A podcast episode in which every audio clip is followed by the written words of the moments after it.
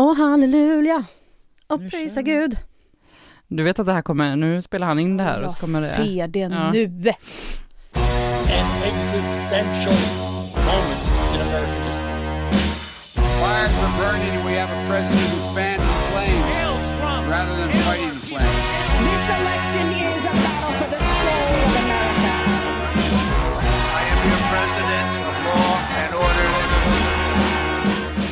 Hej och eh, välkomna till Trumpageddon, Aftonbladets podd om USA-valet. Jag heter Jenny Ågren. Det är jag som leder er genom denna podd som vi spelar in onsdag den 21 oktober.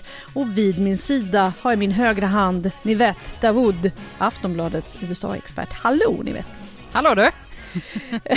Idag ska vi prata om ett ämne som jag verkligen tycker är intressant. Kanske för att jag kommer från Sveriges Jerusalem. Ja, det är Jönköping såklart. Ja, vad härligt. Och jag pluggade ju i Jönköping. Det var där jag blev journalist, så det, vi känner oss hemma nu. För hur viktigt är religionen i det amerikanska valet? Kan den kristna högern påverka utgången? Ja, veckans avsnitt handlar alltså om religion och hur viktig den är i USA. Och Nivette kommer hjälpa oss att reda ut en del frågor kring det här som den kristna högern, abortfrågan och om nomineringen av HD-domaren Amy Coney Barrett som ju är väldigt konservativ.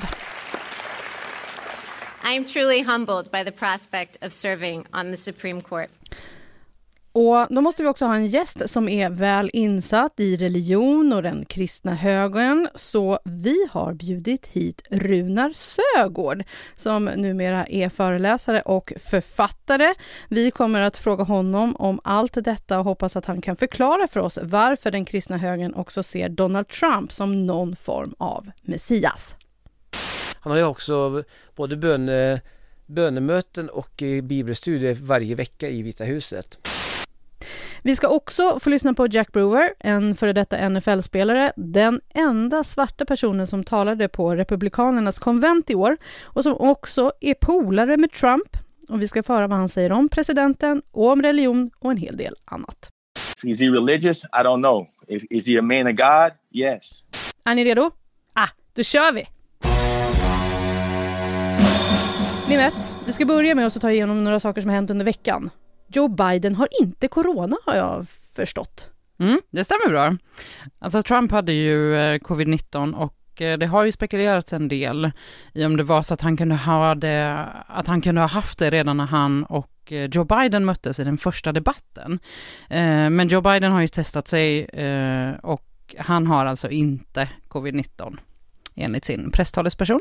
Men hur är det med Melania? Det verkar som att hon inte är helt frisk ännu. Nej, precis. Första damen, Melania Trump, hon eh, skulle igår ha, spela, ha deltagit på sitt första kampanjevenemang efter det att hon eh, fick diagnosen. Men hon ställde in det för att hon kände sig fortfarande inte helt kry efter coronadiagnosen. Nu får vi hoppas att hon kryar på sig snart. Absolut. Ehm, och om vi ska kolla på opinionsläget då, hur ser det ut? Ja, men nu när vi spelar in så är det alltså 13 dagar kvar till valet och eh, fördelen i eh, mätningarna ligger hos Joe Biden. Han har också starkt stöd i flera viktiga delstater som till exempel Florida och det är rekordmånga som har förtidsröstat. 28 miljoner är den nu när vi ses, men det ökar liksom hela tiden. Eh, och där är det ju framförallt väljare som röstar på Demokraterna som förtidsröstar, vet vi sedan tidigare i alla fall. Men nu ser man också en ökning av antalet republikanska väljare som registrerar sig för att gå och rösta i eh, sådana här viktiga då vågmästardelstater som Florida som jag nämnde förut, eh, North Carolina men också Pennsylvania.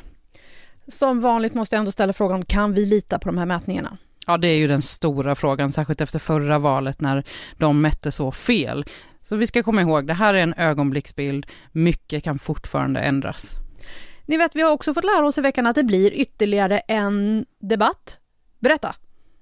Ja, Eh, det här kan man ju säga att det blir ju liksom Donald Trumps sista stora chans att under natten till fredag svensk tid eh, delta i en debatt med eh, Joe Biden. Eh, det brukar ju vara tre debatter. Eh, den andra ställdes in därför att eh, Donald Trump fick covid-19 och ville då inte gå med på reglerna om en digital debatt. Så nu blir det alltså bara två debatter och den sista är då den här veckan. Eh, och det vi vet om den debatten är att efter den första debatten, eh, om du minns, så avbröt ju båda två varandra väldigt, väldigt mycket. Kan- det var inte ett sånt här glömma. trevligt samtal som du och jag har. Liksom. Eh, så att nu har man bestämt från de som arrangerar debatten att mikrofonerna kommer att stängas av för att man ska kunna garantera att båda två får tala till punkt. Så det blir spännande att se. Vänta bara och se vad jag gör med din mikrofon Åh nej. under den här jag inspelningen. Okej, nu går vi in på veckans tema eh, som alltså är hur det står till med religionen och kanske främst den kristna högern i USA. Religionsfriheten det är ett av fundamenten i USAs författning. Samtidigt så visar siffror att fler och fler i landet inte ser sig som religiösa. President Donald Trump är kanske den minst religiösa presidenten som USA har haft. Trots det så ser många i den kristna högern honom som en form av Messias som ska frälsa USA. Den kristna högern har också under många år varit en maktfaktor på den politiska arenan. Och just nu så pratas det också mycket om att den kristna rörelsen ligger bakom nomineringen av Amy Coney Barrett till Högsta domstolen. Ni vet, hur religiöst är egentligen USA? Alltså USA är ett mycket religiöst land. Eh, man har världens största kristna befolkning, alltså långt över 200 miljoner eh, definierar sig som kristna i USA. Det är ungefär 65 procent av befolkningen. Eh, det kan vara lite fler, det beror lite på vilka olika mätningar man tittar på, men, men de flesta är eniga om att stödet sjunker. Det var ju precis det du sa också, att siffran har sjunkit över vilka som kallar sig för kristna och den har sjunkit ganska rejält. Ehm, 85 procent uppgav att de eh, kallar sig för kristna för 30 år sedan, jämfört då med 65 procent som jag sa nu. Ehm, och det här beror ju, beror ju dels på eh, att ehm, några fler eh, definierar sig som troende inom andra religioner, eh, men framför allt på att färre unga har blivit religiösa. Eh, men sen så ska man också säga att de som är religiösa kristna eh, blir också ofta, alltså det, det ser ut som att de har blivit eh, mer religiösa. Så hur märker man det här i vardagslivet i USA? Jo, men det här är en väldigt intressant eh, fråga och det är också väldigt intressant med den eh, historiska aspekten. Så jag börjar faktiskt där, att i första författningstillägget i grundlagen så slår man ju fast att USA inte får ha en statsreligion. Eh, och det här har liksom lett till att religionen i övrigt har fått en stark ställning. Det är ett socialt sammanhang, många går i kyrkan, åtminstone på söndagar, om inte fler dagar i veckan. Och Åker du runt i USA till exempel så ser du ofta många kyrkor och det är kyrkor med olika inriktningar, det är väckelserörelser, frikyrkor och så vidare. Och, och som turist så eh, känner säkert många igen sig i det här med att man, man ser olika skyltar med budskap utanför kyrkorna och vad pastorn tycker att man ska fokusera på och sådär. Eh, men den här eh, uppfattningen om att religion och politik inte ska vara alltför tätt sammankopplad, den finns fortfarande kvar och är ganska så dominant ändå. Eh, och, och då kan man faktiskt samtidigt säga att USA är också ganska så sekulärt på, på andra sätt. Till exempel då så eh, är det få av landets eh, nationella helgdagar som har med religion att göra. Eh, de kallar till exempel inte skolloven för eh, jullov som vi gör i Sverige eller påsklov. Påsken är inte ens en en, eh, en helgdag i eh, USA, man har ju inte ledigt då, utan man säger då vinterlov och spring break som vi alla känner till. Och alla vet vad som händer på spring break. Men är det inte också därför som eh, man röstar på tisdagar i USA? För att man inte ska kunna missa att gå i kyrkan på söndagar? Jo, det stämmer bra. Det är ju ett, ett historiskt, eh, ett, ett gammalt beslut så att säga. Ehm, För söndagsgudstjänsten, den är väldigt viktig. Den är fortfarande väldigt viktig för många.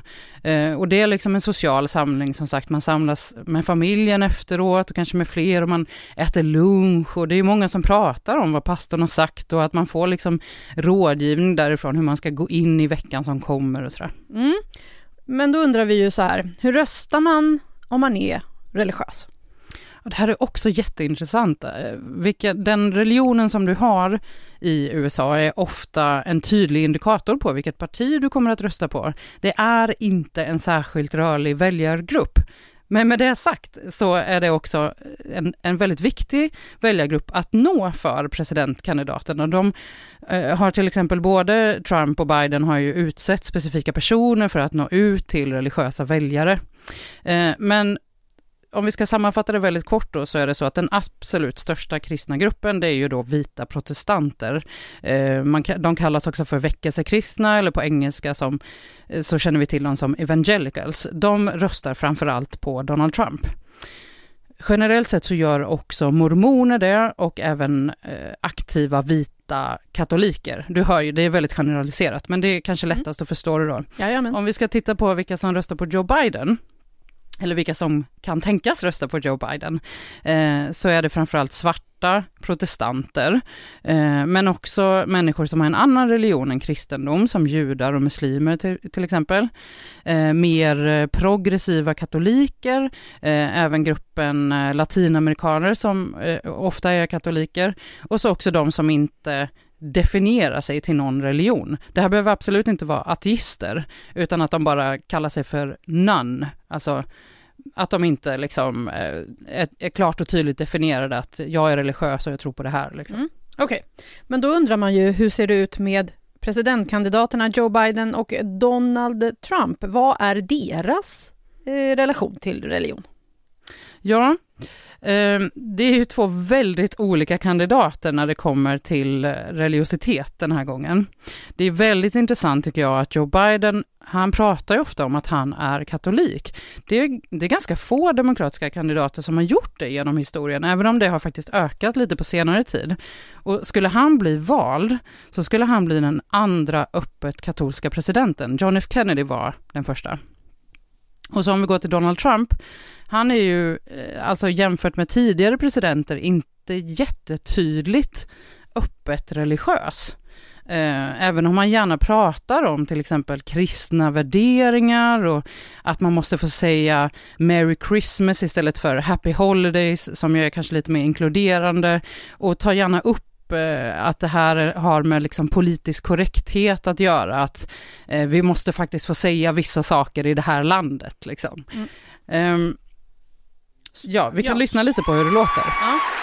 You know, we're getting near that beautiful Christmas season that people don't talk about anymore. They don't use the word Christmas because it's not politically correct. You go to department stores and they'll say Happy New Year and they'll say other things and it'll be red, they'll have it painted, but they don't say, well, guess what? We're saying Merry Christmas again. Men vicepresident Mike Pence, han är ju däremot religiös. Ja, precis. Alltså, eh, han har ju- verkligen, kan man säga, hjälpt Donald Trump när det kommer till den här gruppen. Eh, Mike Pence är som du säger, han är eh, öppet eh, religiös, han eh, kallar sig då för evangelical ehm, och och eh, han är väldigt tydlig med det. Han till exempel citerar ofta Bibeln när han håller tal. Ehm, det blev en ganska stor grej när Mike Pence eh, utsågs, att han ehm, följer en ganska strikt kristen eh, tradition som handlar om att han till exempel inte äter middag ensam med en, en kvinna som inte är eh, alltså fru Pence. Ehm, så att det här eh, behövdes framför allt i början när man inte visste så mycket om Donald Trump. Så var, kom Mike Pence in som en lite så här räddare i nöden och eh, Trump kunde visa att vi har en, en starkt kristen agenda. Liksom. Finns det ändå de som har tröttnat på Trump för att han inte är så religiös? Ja, eh, alltså Ja, framför allt så kunde man se det här ganska mycket, den diskussionen var väldigt levande under eh, förra valet 2016. Ehm, då var det faktiskt ganska många kristna som eh, ja, men tyckte att Trump liksom betedde sig ganska vulgärt. Jag vet inte om du minns att han sa det här till Hillary Clinton, att hon var en nasty woman till exempel. Ja, Eh, jag träffade till exempel mormoner i eh, Utah som ju alltid har röstat på Republikanerna, men som kände så här att nej men vi har fått nog av Donald Trump just eh, efter, de tog framförallt upp det här Nasty Women-uttalandet och de hade faktiskt, det fanns faktiskt en grupp som hade bestämt sig för att rösta på Hillary Clinton. Men det är väldigt tydligt att nu har liksom dels Mike Pence kommit in och visat väldigt tydligt vad han står för, men också att Donald Trump eh, har genom de här eh, åren som president visat ganska tydligt att han vill ha kristna högerväljare. Han flörtar ganska ofta med dem. Mm, och hur har det visat sig? Ja, här kommer då den här superspännande frågan om högsta domstolsutnämningar in. Eh, det är en väldigt viktig fråga för republikanska väljare och Donald Trumps förslag till ny HD-domare Amy Coney Barrett, hon är ju djupt troende katolik. Och eh, de här HD-utnämningarna, det här är ju Donald Trumps tredje HD-utnämning. Eh, de har, eh, kan man se, lett till att fler vita katoliker tenderar att för, föredra Republikanerna. För det här är, jag sa ju förut att den här gruppen inte är så rörlig, men just katolikerna är faktiskt det. Eh, och eh, om Amy Coney Barrett skulle bli godkänd, eh, så innebär det att alla sex HD-domare som Republikanerna har nominerat är katoliker.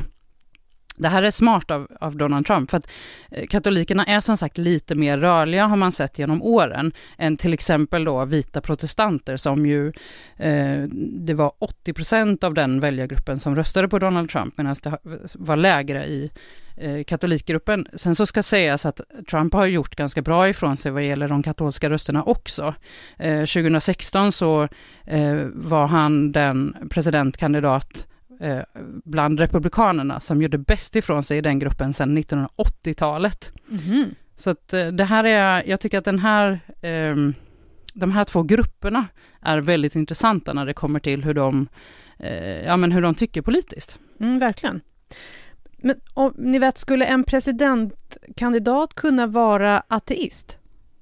Ja, det är väldigt tveksamt. Vi har ju liksom inte riktigt sett det, så att jag kan ju inte säga att Nej, det går inte. Utan men om jag skulle gissa så, eh, nej, jag är väldigt, väldigt tveksamt. För att det är ju så att alla tal, till exempel, som presidenten gör, avslutas med God bless America.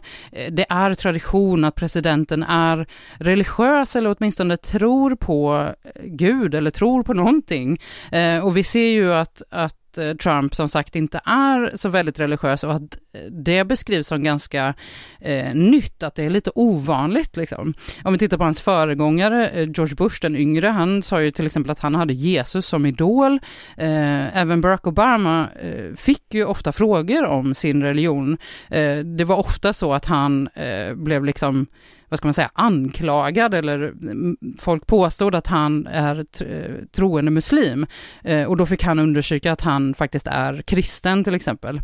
På tal om Obama så var det också, han var den första presidenten att eh, nämna ateister när han svors in i, i det här installationstalet. Och han, han pratade ju såklart om andra religiösa grupper också, men det, var, det såg som en väldigt så här, wow, oj, han pratar om ateister, för att de är en väldigt, väldigt liten grupp. Det är en ganska anmärkningsvärt liten grupp.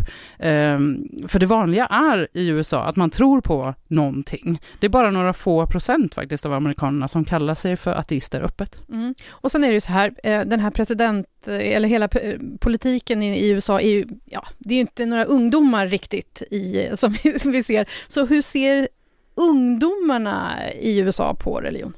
Ja, men det är ju den här gruppen som, eh, där man ser att, att färre och färre kallar sig för religiösa och kristna. Eh, och den här frågan tycker jag verkligen är så himla intressant, för att religionstillhörighet, det brukar beskrivas kan man säga som en tidsvåg för människor, att man växer upp med det som barn, och sen så kanske när man blir tonåring och är lite rebellisk så backar man undan och sen så är det många som återvänder till religionen Eh, när de blir vuxna, när de tar liksom livsavgörande beslut som att gifta sig med någon, att skaffa barn och sådär. Men bland eh, millennials, alltså de som är födda på 80 och 90-talet, så visar det sig att allt mer tyder på att de lämnar religionen, kanske då när de är tonåringar till exempel, och sen så återkommer de inte till den. Och det här har ändå ganska naturliga förklaringar, att eh, traditioner är ju någonting som vi ser ofta bibehålls av äldre. Eh, den som har blivit mer liksom, strikt religiöst uppfostrad tar också vidare det till familjen. Och, och har man inte blivit lika strikt religiöst uppfostrad så, så, så kanske man bara inte tycker att det känns viktigt att ta med sig vidare. Liksom. Um, och sen så ska ju sägas också att millennials uh, är ju en generation som har så här vuxit upp med internet, med, med, uh, med online dating. Vi har, ja, det, det, är en grupp som är känd för att bryta mot traditionerna. Så det, det är en jättespännande mm, fråga det här. Uh, men det kan faktiskt också bara vara så att de eh, aldrig har varit så himla aktiva och att det är därför som de nu så att säga faller bort, men att det kanske kommer stanna där runt 65 procent för att de som är religiösa eh, tenderar också att bli mer religiösa. Så varför är det här en viktig fråga att unga amerikaner inte är religiösa? Vad kan det liksom innebära för politiken? Jo, så här att eh, det har liksom blivit ganska mycket mer så att religion och politik flätas samman. Ehm, de här då millennials som jag pratade om tidigare, eh, man kan se att de som återvänder till religionen, det är ofta republikaner. De som inte gör det, de röstar oftast på demokraterna. Och numera så ser det faktiskt ofta ut så att eh, ju mer liberal du är, desto mindre religiös är du. Och ju mer konservativ du är, desto mer religiös är du. Eh, så att religiositeten driver ett politiskt engagemang. Eh, och i takt då med att de här vita väckelsekristna har blivit allt mer högljudda och faktiskt politiska, så har de som är liksom mindre religiösa och kanske mer åt det liberala hållet, eh, de personerna har känt sig lite bortskrämda från religiös tillhörighet. Eh, och om vi tittar på till exempel den konservativa eh, kristna agendan, de har ju också allt mer börjat fokusera på moralfrågor som sexualitet och abortfrågan och giftermål för hbtq-personer. Tack Nivette, nu har du verkligen gett oss en bra bild över hur det ser ut med religionen och den kristna, inte så mycket den kristna högern än, men vi kommer dit. Mm. Tack så mycket, snart, vi ska gå vidare.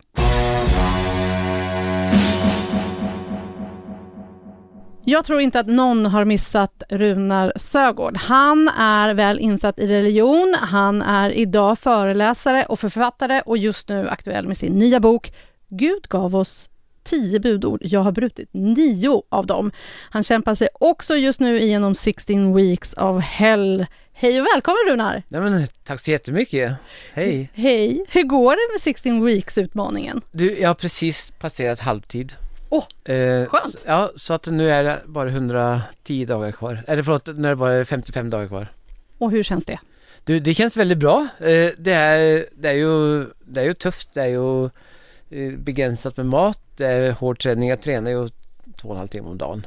Eh, och sen så, så är det ju varje dag så är det ju en powerwalk som med så högt tempo man bara kan liksom. Så att jag, jag kämpar på men det känns ju väldigt skönt. Man, man mår ju väldigt bra. Men eh, jag saknar eh, Marabou chokladen och jag saknar de goda Amarone-vinerna. Mm, jag kan förstå det. Ja. Men du Runa, det är ju så här, du är djupt engagerad i det amerikanska valet. Hur kommer det sig? Du, det, det sträcker sig ganska långt tillbaka. Jag, de sista 16 åren så har jag ägnat minst två, tre timmar varje dag åt amerikansk politik och näringsliv. Men i, i synnerhet politik och det har också att göra med att jag Eh, jag har ju bott i USA periodvis, jag har familj där borta, jag har klienter där borta och jag har sedan lång tid tillbaka förstått att det som sker där borta, det kommer hit till Europa och det kommer hit till Sverige och Norge. Och därför så tycker jag att det är otroligt spännande och intressant att läsa av trender, ideologier, tillvägagångssätt, utveckling liksom med allt som har att göra med, med samhälle och med politik. Och det, det, gör ju också liksom att, att man blir ganska så insatt och kunnig i det som faktiskt sker där borta, vilket tyvärr väldigt, väldigt få här i Skandinavien är. inklusive journalister. Vad skulle du säga att det finns för skäl som kristen att stötta Donald Trump?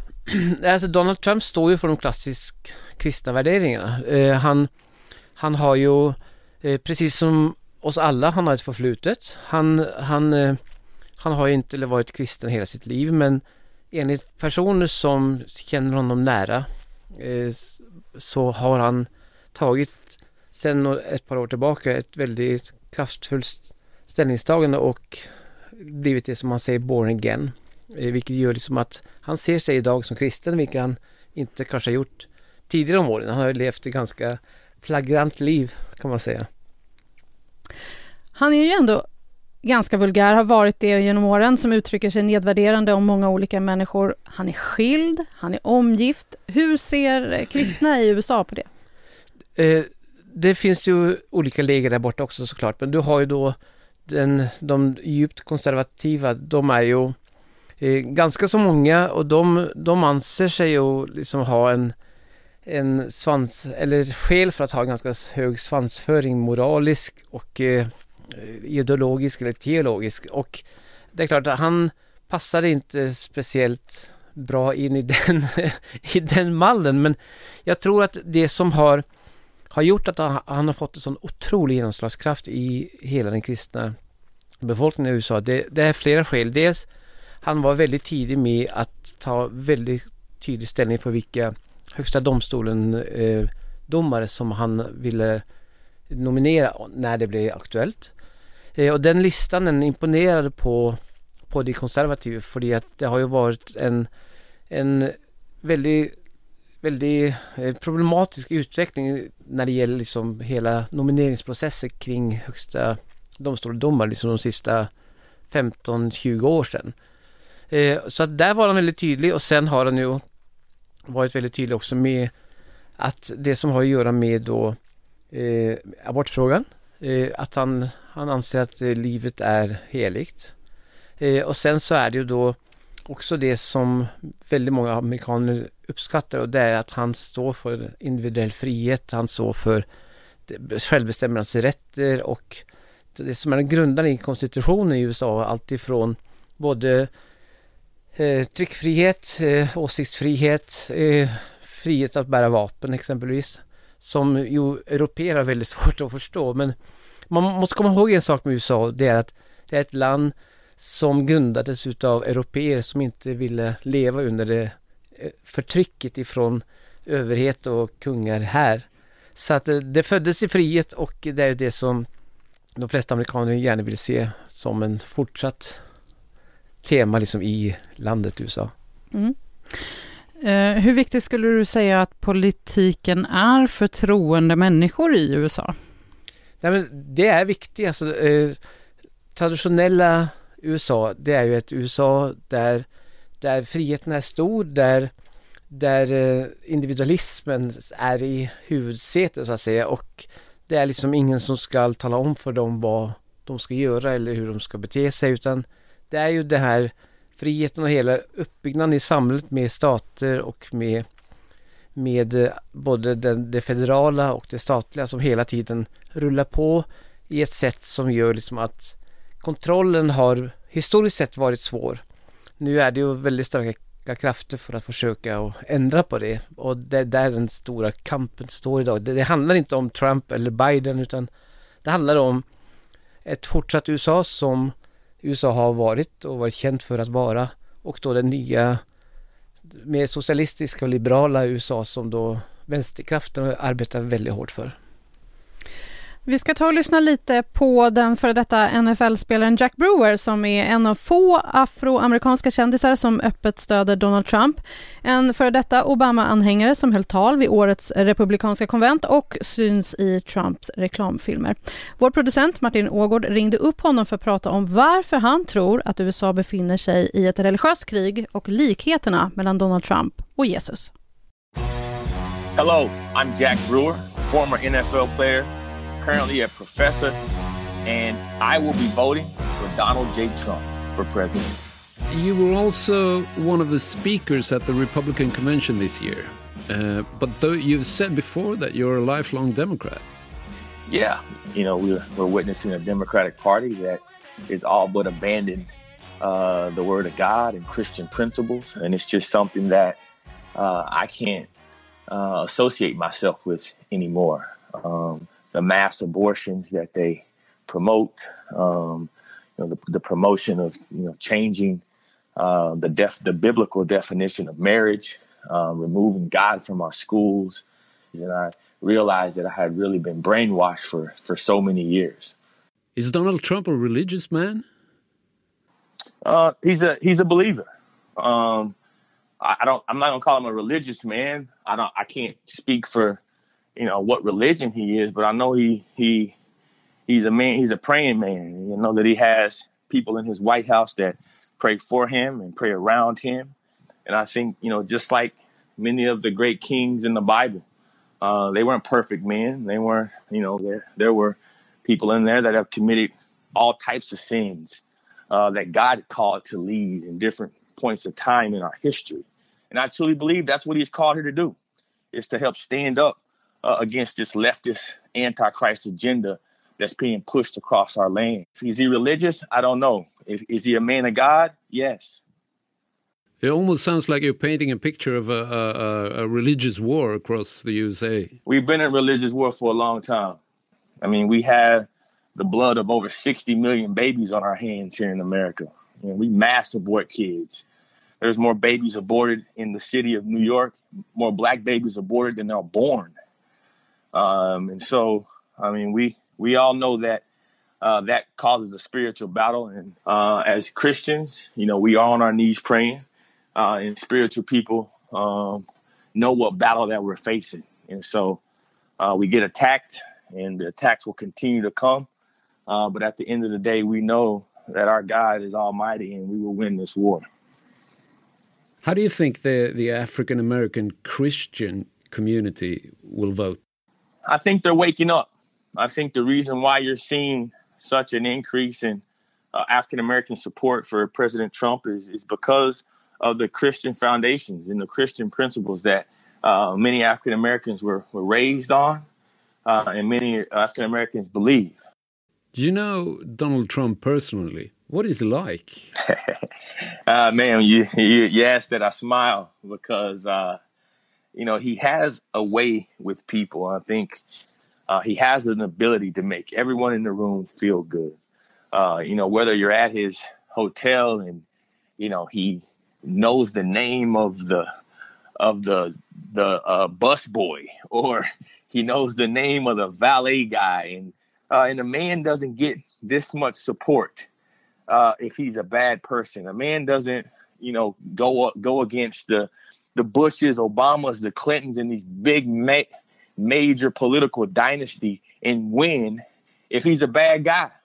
But he is he's hated by many people, and he's uh, laughed at by many other people. That's right. So is Jesus. You know, Jesus said they they they they, they hated me before they hated you. Uh, and so, you know, the the, the greatest uh, human to walk the face of the earth was persecuted, uh, was killed, was talked about, was laughed at, was mocked, uh, was ridiculed. Uh, and so, any great person, any great leader who's taken on challenges uh, as deep as the ones that we've been discussing, it's going to be hated. If you're not hated, you're not doing something right. If you walk in and everyone loves you, uh, you make everyone feel good by everything you say, but not by the things you actually do. Uh, you know, we've had a president like that, and we've had a few presidents like that, uh, and that's put America in a situation where uh, we've we've started to lo- lose our soul, um, and, and our nation right now is further away from God politically than we have been uh, probably since our founding. Där hörde vi Jack Brewer, före detta NFL-spelare och som också är kompis då med Donald Trump. Runar, du känner Jack Brewer? Är det så? Nej, jag känner honom inte, men jag har faktiskt eh, bokat eh, Zoom-möte med honom här senare i veckan. Vad ska ni prata om då? Ja. Nej, vi har en gemensam god vän till oss som, som har varit hans eh, coach, eh, hans eh, mentala coach och eh, han hade tydligen pratat om mig och då ville även då Jack Brewer träffa mig eller möta mig på, på Zoom här nu i första första delen då. Så att, eh, jag, jag har inte träffat honom, jag känner honom inte men, men eh, jag har ju läst på lite om honom. Mm, vad spännande. Känner du igen dig i den bild som han målar upp av ett USA som utkämpar ett spiritualt bättre, ett andligt krig? Alltså USA har ju blivit, eh, under Obamas eh, styre så, så blev USA väldigt, väldigt polariserat och den polariseringen den har ju bara ökat efter det att Trump kom till, till makten. Så, så, att det är klart att eh, och kalla det en andlig kamp, det kan man göra liksom om man har utgångspunkten i, i ett värdesystem och, och ett, ett eh, åsiktssystem. Men det, det jag tror är viktigt att förstå det är det att media har ju en enormt stor del i det här sånt, alltifrån big tech-företagen som, som har en väldigt uttalad agenda och det är ju en, en väldigt tydlig eh, maskopi som man ser från utsidan både när det gäller deep state som, som man säger i USA också då både media och de sociala giganterna så att det, det är liksom eh, det är Trump mot, mot eh, resten kan man säga. Han har ju ett kompakt eh, kompakt motstånd emot sig och bara nu senaste veckan här som så han, han och hans kampanj har ju blivit blockerade eller av, avstängda 65 gånger eh, från sociala eh, plattformar och eh, Biden ingen så att det där står ju 65-0 där som bara i det avseendet så att han har en tuff kamp eh, och en uppförsbacke men jag var väldigt tydlig med redan augusti 2015 att då gick jag ut offentligt med att han skulle bli nästa presidenten och jag har också varit väldigt tydlig med att han kommer att bli återvald igen. Så att eh, världen får, får nog vänja sig vid att ha honom till 2005, eller 2025. Mm. Jag tyckte det var intressant när du pratade om att eh, Donald Trump är born again. När skulle du säga att eh, Trump blev frälst?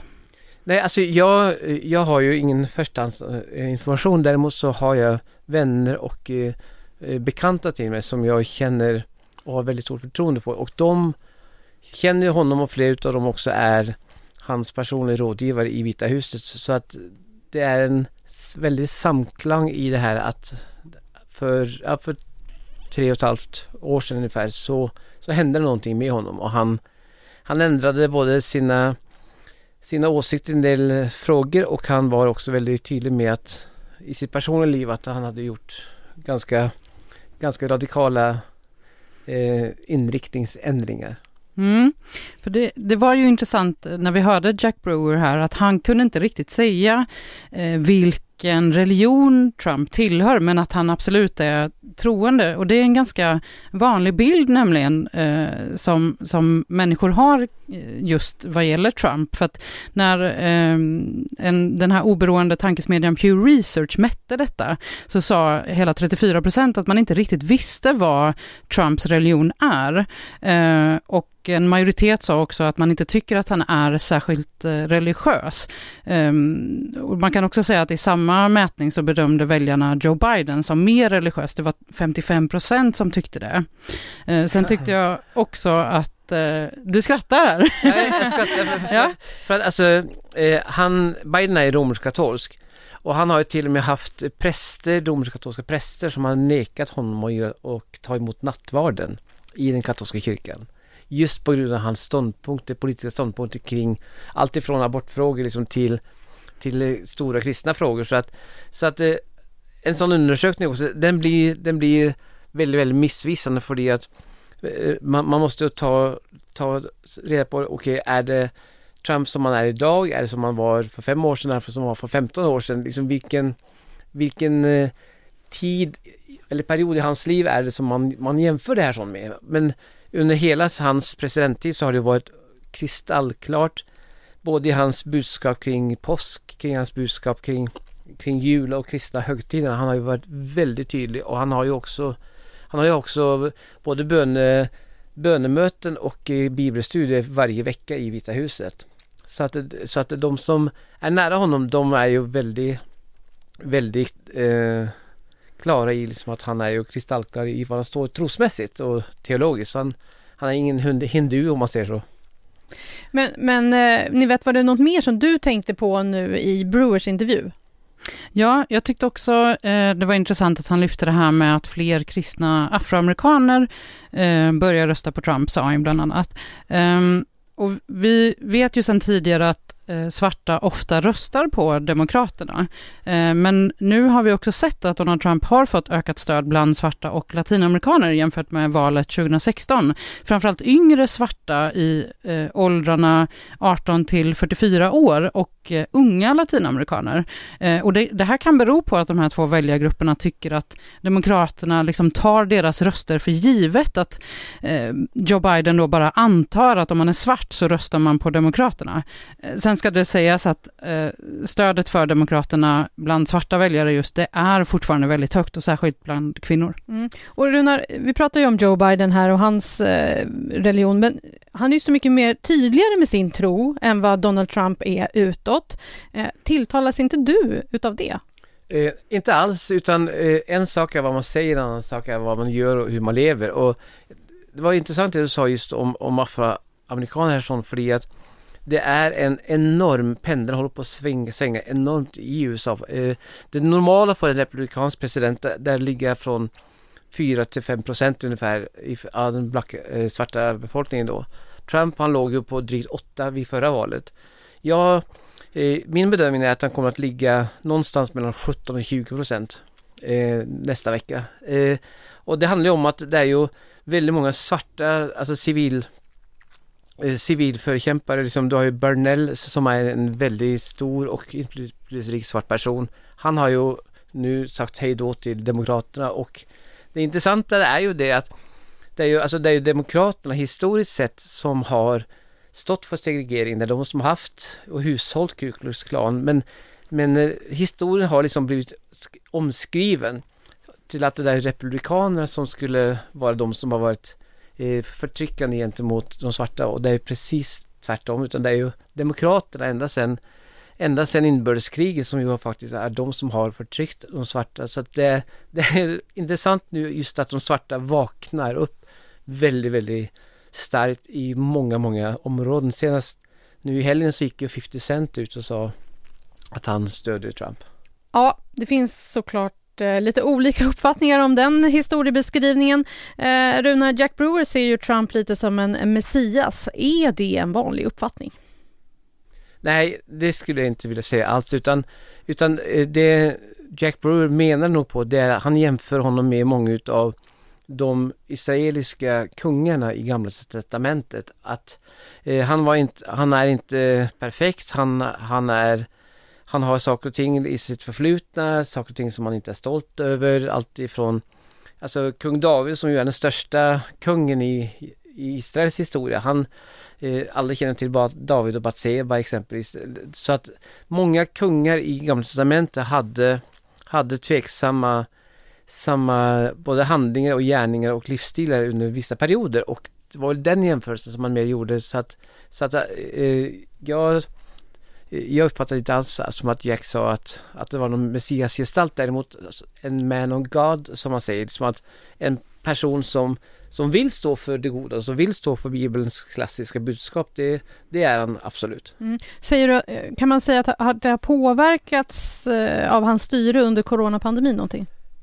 Ja, det finns väldigt mycket att säga om, om Trumps agerande under den, och, och det är ju det är ingen stats chef eh, som har liksom varit eh, någon att hålla i handen när det gäller liksom både utlåtanden och, och eh, praktik. Vi har ju till och med här i Sverige så har vi ju ena, på Ullared så släpper de in tusentals och mellan Mål och Geneva släpper de in tusentals men på en fotbollsarena så släpper de in 50. Så att alltså allting, allting ändras ju hela tiden med WHO och alltihopa men jag tror att, att eh, Trump hade med fördel kunnat hantera hela den coronabiten bra mycket bättre. Mm. Sen är det så här, du har ju varit mycket i USA. Mm. Hur nära står du den kristna högern i USA? Nej, alltså den kristna högern, eh, det är ju det begreppet som media har satt på liksom, de kristna i USA. Eh, de, de, absolut största majoriteten av USAs kristna liksom är, kallar sig själv för konservativa. Eh, men det är då någonting som har blivit eh, liksom satt ett begrepp på som den kristna högern och så är det ju givetvis inte utan på alla, inom alla ideologier, inom alla eh, övertygelser, både politiskt och religiöst så finns det det finns vänstersida, det finns högersida, det finns vänsterextremister och högerextremister men mittemellan så här finns det en väg och där har man då de som då är konservativa och det är liksom en betydande skara människor och det är alltså tio, tiotals miljoner vi talar om. Mm. Och vilka ska, är de viktigaste personerna bland konservativa kristna skulle du säga? Nej, alltså, du, du har ju ett antal stora universitet och, och lärosäten som ju liksom står för, står för eh, den liksom, kristna läran och de, de kristna grundprinciperna. Eh, och där har du ju, alltså ifrån början alla Harvard, alla de här stora universiteten, de skapades ju av kristna. Eh, och det var ju kristna kyrkor som startade universiteten. Men, men, men i USA så har du, i mellanvästern så har du väldigt många. Du har alltifrån från eh, North och South Carolina ända över till, till Arizona så har du läroverk så att säga. Men på, på kusterna där har du liberalisterna som har tagit över totalt. Så eh, har du någon eh, favoritpastor i USA? Nej, det har jag inte.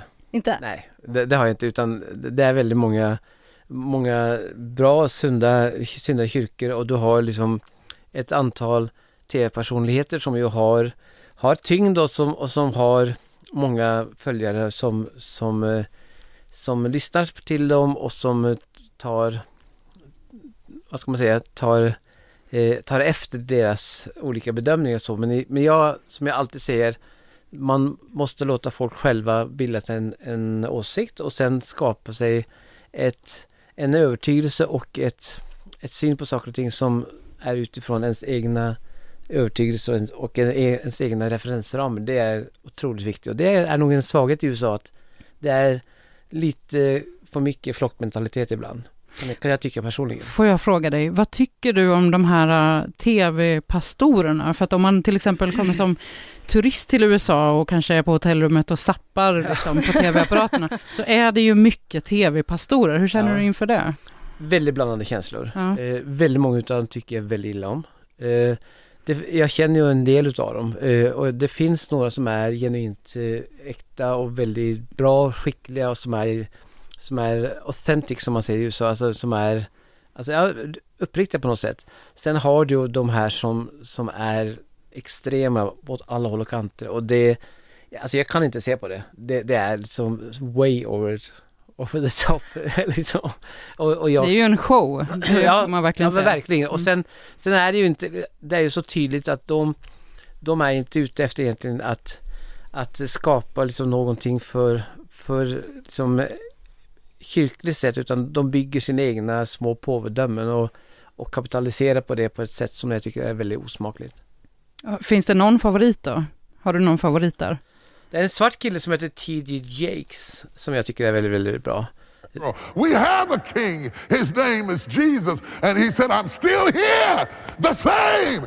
Eh, Han håller till, håller till i Texas. Han, han är otroligt respekterad och har, har, eh, har väl en kyrka som är The Potter's House. De är väl typ 25 000 pers tror jag. Men, men eh, det är ymse vatten och ymse vind kan man nog säga. Men, men det som är intressant är ju i hela debatten liksom kring nu högsta domstolen, liksom när Ginsburg dog.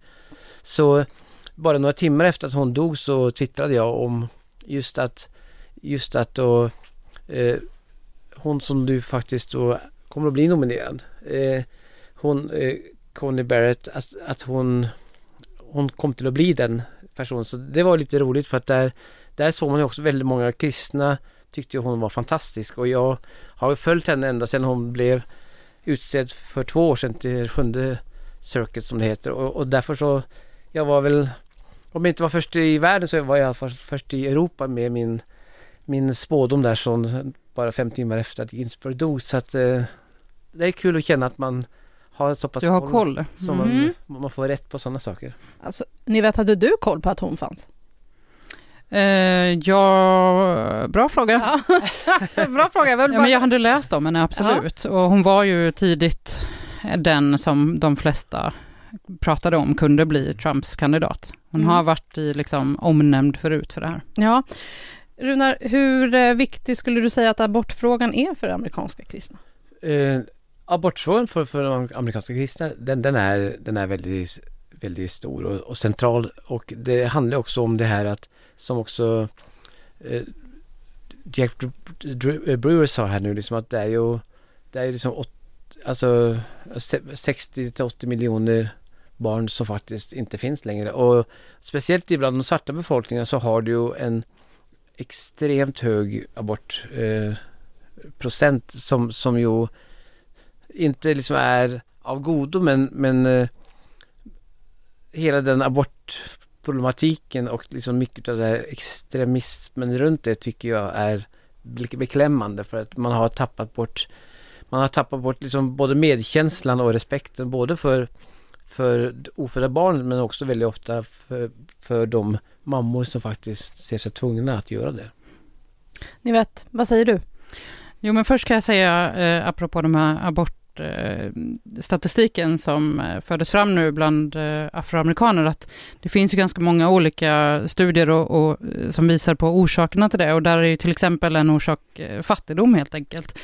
Ehm, men om vi ska gå tillbaka till eh, ursprungsfrågan om just eh, abortfrågan, så är ju det en, en fråga eller ett ämne där Högsta domstolen kommer in och som vi tidigare har pratat om. Om, vi, om du har varit utanför Högsta domstolen i Washington till exempel så står det ofta människor med plakat om ja till livet då. Um, och då blir det intressant igen att prata om Donald Trumps nominering um, till Högsta domstolen och även de tidigare nomineringar som han har gjort. Han har ju nominerat tre HD-domare, det är ju Gå bara det. Det är ju väldigt, uh, det är väldigt många för mm. en president under en och samma mandatperiod och alla de tre har varit uh, katoliker. Och skulle Amy Coney Barrett bli godkänd så kommer alltså de samtliga sex konservativa domare i Högsta domstolen att vara katoliker. Och då är det många som eh, tror att eh, att eh, de kommer att arbeta för att upphäva eller kanske urholka eh, det här HD-beslutet som heter Roe vs Wade, som är från 1973 och som handlade om att legalisera abort i hela USA. Och där har ju Amy Coney Barrett inte sagt rakt ut att, att hon vill det, men när man tittar då på tidigare beslut som hon har tagit eller som hon har varit delaktig i, i appellationsdomstolen i Chicago, där hon har suttit, så finns det två fall eh, där hon har röstat på ett sätt som gör att, att människor tänker att hon kanske kommer stötta begränsningar i aborträtten. Eh, hon har ju sagt att hon är för en, en konservativ, strikt tolkning, nästan eh, bokstavstolkning av grundlagen. Så det blir intressant att se. Som sagt, vi vet inte eh, exakt och hon har, hon har ju inte godkänt sen, men det är mest troligt att hon blir det. Sen eh, så ska jag också säga att det är fortfarande så att 60% av amerikanerna vill att abort ska vara lagligt och det gäller ju då i den gruppen så finns det även religiösa. Mm. Och i hela saken med Ron Wade så är det liksom, det var ett beslut som fattades då som du säger eh, ifrån Texas i 1973 och det är ju Frågan är inte huruvida det ska legaliseras eller inte utan frågan handlar ju om om det ska vara en statlig eh, beslut från stat till stat eller om det ska vara ett federalt beslut. Så att, så, så att det handlar inte om att eh, Rowan Wade, om det blir en förändring så handlar det inte om att abort kommer att förbjudas i USA, vilket media ofta ger sken utav, utan det handlar ju om att varje enskild stat själva ska få avgöra eh, vid, vilka, eh, vid vilka förutsättningar som en abort är, är acceptabelt och laglig eller inte. Så att, så att eh, det, det blir också väldigt missvisande och det skapar ju väldigt mycket känslor när, när det piskas upp en sån där liksom svart och vit-aktig bild. Runa, nu är det nästan, det är mindre än två veckor kvar till valet. Ja. Hur tror du att det går? Eh, precis som jag sagt ja. hela tiden. Eh, Trump kommer att vinna. Eh, och nu har vi ju sett att nu håller ju hela Biden-bubblan på att spricka totalt. De, eh, han har nu tagit fem dagar och lagt locket på. Eh, han har hållit sig hemma i Delaware i sin, i sin källare och det, det, det har ju aldrig hänt tidigare i modern historia att en president under liksom de sista veckorna och sista månaden håller, håller sig borta från folk och inte vill synas, inte vill svara på frågor. När han väl kommer ut, som han gjorde här exempelvis nu i, i måndags, så, så, så blir det så skrattretande uppenbart liksom hur media behandlar honom. För att det som då var det började med att det var en journalist som, som sa att eh, jag har en fråga gällande FBI och han bara liksom ströp den direkt. Övriga journalister började skratta. Och sen så kom nästa fråga då. Vad är det för smak på din milkshake? Eller Biden tror ju att han har allting i sin box. Han tror ju att om han bara sköter sig nu på torsdag så är det här home safe. Men det kommer att bli en ännu en gång en jättechock för USA när de upptäcker att Trump kommer att vinna igen. Tack Runar för att du var med oss i Trumpageddon. Tack själv! Vad kul att ha dig här! Ja, kul och trevligt att få vara här. Och lycka till nu med resterande 16 weeks, eller åtta veckor kvar då. Åtta veckor kvar. Ja, bra. Ha Tack! det, ha det bäst, hej hej.